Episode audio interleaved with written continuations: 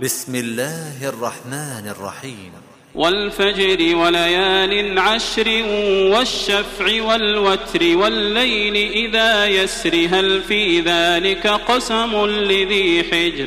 ألم تر كيف فعل ربك بعاد؟ إرم ذات العماد التي لم يخلق مثلها في البلاد. وثمود الذين جابوا الصخر بالواد. وفرعون ذي الأوتاد الذين طغوا في البلاد فأكثروا فيها الفساد. فصب عليهم ربك سوط عذاب. إن ربك لبالمرصاد.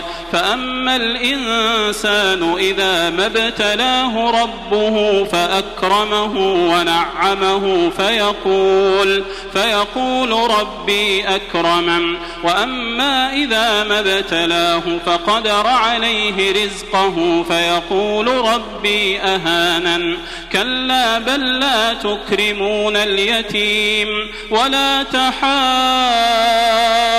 تحاضون على طعام المسكين وتأكلون التراث أكلا لما وتحبون المال حبا جما كلا إذا دكت الأرض دكا دكا. وجاء ربك والملك صفا صفا.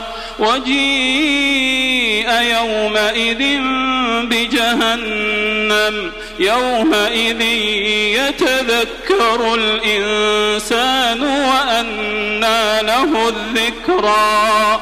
يقول يا ليتني قدمت لحياتي فيومئذ لا يعذب عذابه أحد ولا يوثق وثاقه أحد يا أيتها النفس المطمئنة ارجعي إلى ربك راضية مرضية فادخلي في عبادي فادخلي في عبادي وادخلي جنتي.